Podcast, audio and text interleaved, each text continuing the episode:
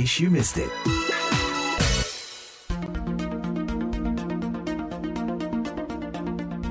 Dalam rangka bulan bahasa yang jatuh pada bulan Oktober, saya, Vina Muptadi dari VOA akan berbincang dengan seorang hyper polyglot atau orang yang menguasai lebih dari enam bahasa. Fremita Deseksia, perempuan yang lahir, sekolah, dan dibesarkan di Yogyakarta, bisa sedikitnya 12 bahasa dengan tingkat kemahiran berbeda. Bagaimana cara Fremita mempelajari suatu bahasa baru dengan efektif? Simak selengkapnya dalam In Case You Missed It. 12 bahasa itu apa aja? Definisi bisa bisa berapa bahasa itu kan uh, relatif karena pertanyaan ini harus dijawab kapan seseorang itu bisa bisa disebut bisa sebuah bahasa gitu. 12 bahasa itu levelnya juga uh, beda-beda. Ada yang uh, misalnya uh, level penutur asli kayak bahasa Indonesia, Jawa, uh, lalu yang tingkat cukup tinggi seperti misalnya bahasa Inggris uh, dan juga yang juga cukup tinggi misalnya Prancis dan uh, menengah seperti Italia, Spanyol, Jerman, Denmark, Norwegia atau atau yang menengah bawah misalnya Turki, Cek Ceko.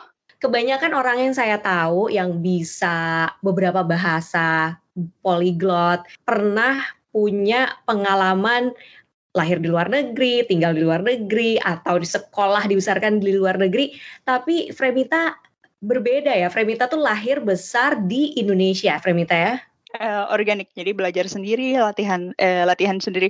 Uh, maksudnya latihan sendiri atau belajar sendiri itu memang nggak uh, mesti harus sendiri karena tidak mungkin kan suatu bahasa itu dipakai sendiri. Tetapi memang uh, usahanya dari mulai belajar sendiri ikut kelas uh, dan memakai bahasa uh, ketika bercakap dengan orang lain memang harus diniatkan sendiri seperti itu. Kalau untuk uh, kalau untuk di uh, di kasus saya sih memang benar tidak ada tidak ada immersion yang uh, yang besar dalam waktu panjang panjang gitu ya. Tetapi kan pasti dalam setiap proses pembelajaran pasti ada imersi kecil ketika misalnya kita di suatu komunitas penutur bahasa tersebut, uh, kita kan pasti terpacu untuk menggunakan bahasa tersebut.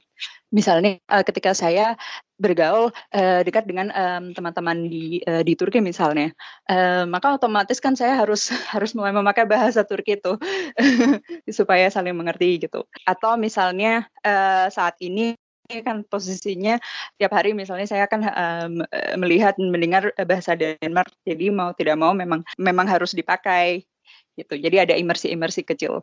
Uh, setelah mengalami beberapa metode latihan bahasa menurut kamu metode apa yang paling efektif untuk belajar bahasa baru nih pertama sih memang harus dilihat uh, tujuan belajarnya itu untuk apa? Apakah untuk penggunaan santai atau memang untuk serius dan pastikan usaha yang diperlukan pasti beda. Uh, tetapi metode yang paling efektif adalah uh, imersi. Tetapi imersi yang bukan imersi yang pasif tetapi imersi yang aktif Uh, jadi bukan uh, tidak hanya sekedar misalnya uh, tinggal di luar negeri atau misalnya uh, di komunitas yang uh, menuturkan bahasa itu, tetapi kita sendiri yang harus aktif menggunakan bahasa tersebut uh, digunakan untuk uh, bercakap-cakap, untuk menulis um, dari pesan singkat atau atau surat. Atau, jadi di, jadi memang eh, imersinya imersi aktif yang kita memang harus pakai bahasa tersebut dan juga be, belajar melalui kelas uh, untuk uh, untuk tata bahasa yang rapi, tetapi juga uh, juga belajar penggunaan bahasa tersebut sehari-hari. Apa manfaat yang paling besar yang Fremita rasakan karena memiliki kemampuan banyak bahasa ini? Tiap bahasa itu pasti akan membukakan pintu. Kalau di peribahasa Turki itu ada istilahnya Hirmi Insan.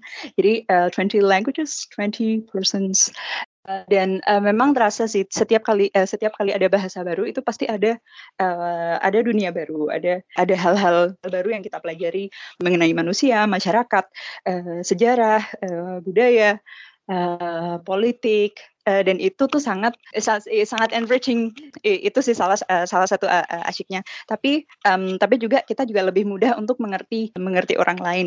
Dan lebih mudah untuk koordinasi. Misalnya nih ketika ketika saya main misalnya bermain game online dan ada uh, pemain uh, lain yang tidak berbahasa Inggris tetapi kebetulan saya bisa uh, bahasa bahasa mereka uh, itu saya uh, jadi uh, bisa mengkomunikasikan uh, apa yang harus uh, apa yang harus dilakukan dalam game tersebut uh, sehingga uh, pemain tersebut yang yang tidak bisa uh, bahasa Inggris itu mereka uh, masih merasa um, mereka tuh termasuk dari um, termasuk dari bagian dari tim gitu karena eh, karena masih uh, ada yang bisa mengerti gitu.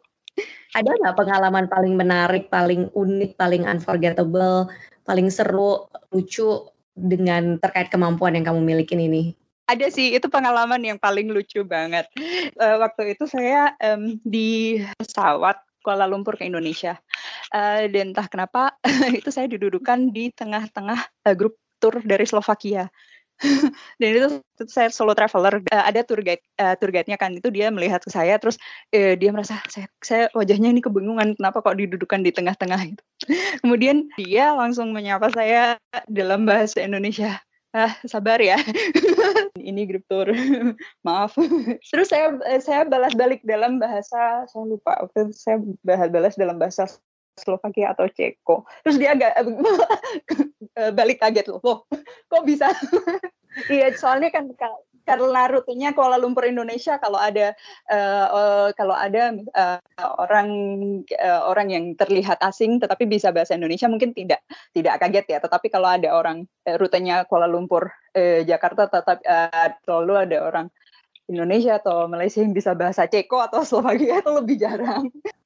Seru, seru, seru. Malah jadi bisa langsung berteman di tempat gitu ya gara-gara bisa bahasa. Iya, iya, iya. Terus sampai sekarang masih masih masih kontak. Maksudnya kan oh, ya? kontak gitu di sosial ya gitu, iya. Oh, menarik, menarik. Wah, seru-seru. Jadi persahabatan, networking semakin luas ya, uh, tentunya. Nah, di organisasi Polyglot ini kan um, Fremita aktif ya sebagai language coordinator untuk bahasa Prancis. Hal-hal apa aja sih yang diajarin ataupun yang Fremita dapatkan ketika berada di sebuah meja bahasa? Ketika kita di uh, meja uh, di suatu meja bahasa di acara Meetup Polyglot itu kan uh, memang um, memang fokusnya adalah untuk uh, melatih menggunakan bahasa kita uh, aktif dan pasif. Jadi mengemukakan pendapat, me, uh, mendengarkan, setuju atau uh, tidak setuju atas suatu uh, opini uh, itu satu sih. Jadi uh, kemampuan berbahasa tersebut.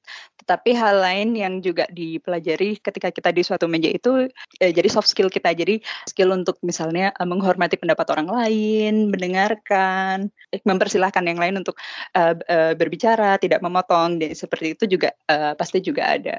Nah, terkait dengan bahasa juga tentunya bulan Oktober ini diperingati sebagai bulan bahasa. Apa komentarnya Fremita nih tentang peringatan bulan bahasa? Kalau untuk uh, kaum yang pecinta bahasa itu uh, seru karena kita uh, semakin semangat uh, untuk uh, menggunakan dan mempelajari bahasa-bahasa kita. Kalau saya sih, menurut saya untuk khususnya untuk orang Indonesia ya diberkahi dengan kemampuan poliglot juga. Karena kita semua pasti memiliki uh, bahasa daerah uh, dan itu memang harus uh, harus tetap digunakan. Jadi bahasa daerah itu memang tetap harus kita gunakan tetapi bahasa Indonesia juga memang uh, itu yang mempersatukan kita karena kalau kalau kalau dari dari Sumatera dari Sabang sampai Merauke kita tidak bahasa uh, tidak bisa pakai bahasa Indonesia pasti susah untuk berkomunikasi. Yang terakhir juga memang jika kita ingin uh, menjadi bangsa yang yang bisa bertanding juga uh, di uh, di uh, di media internasional kita juga kita juga perlu menggunakan uh, menguasai bahasa asing paling tidak itu bahasa Inggris dan bahasa di uh, selain Inggris itu akan menjadi nilai plus. Sebenarnya cukup berat juga, tapi uh, biasanya orang Indonesia sudah itu sudah polyglot loh. Itu itu paling tidak sudah ada empat bahasa loh, bahasa daerah, bahasa Indonesia, bahasa Inggris dan satu lagi bahasa bahasa di luar Inggris. Itu eh, kita sudah bisa uh, merangkul, kita sudah bisa berkomunikasi dengan banyak sekali orang. Terakhir dong kasih tips nih buat teman-teman VOA yang lagi belajar bahasa baru tapi struggling. Gimana sih menemukan uh, motivasi gitu ya? Ya, ya gimana caranya uh, menemukan motivasi itu? Ya, motivasi itu memang sangat eh, sangat sangat bergantung dengan uh, tujuan kita. Uh, dengan tujuan kita menguasai bahasa tersebut itu untuk apa? Um, dan mungkin juga uh, sangat dipengaruhi dengan apakah bahasa tersebut itu penting maksud banyak digunakan orang atau tidak gitu. Um, cara menemukan motivasi itu seperti kapan menerima wahyu. Tapi memang uh, seperti halnya uh, goal-goal atau tujuan tujuan kita dalam hidup uh, di di aspek lain. Jadi kita memang harus menentukan uh, tujuannya.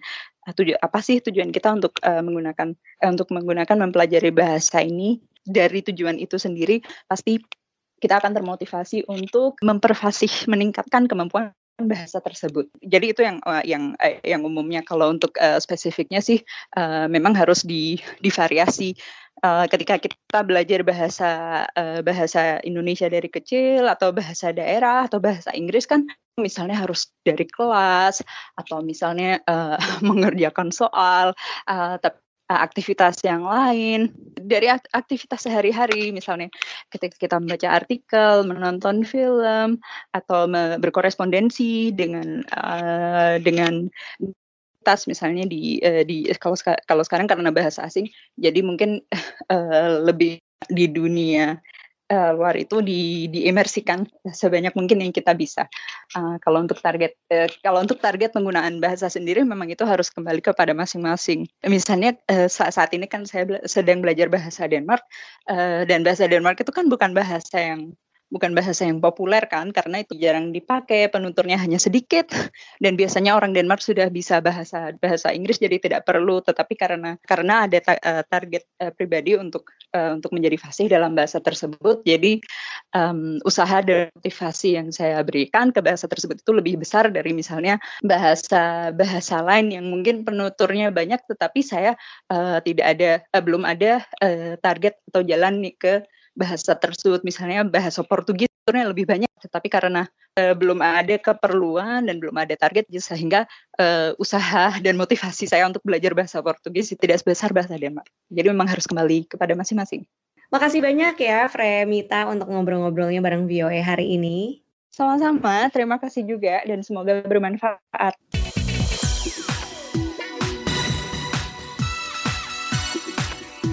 In case you missed it.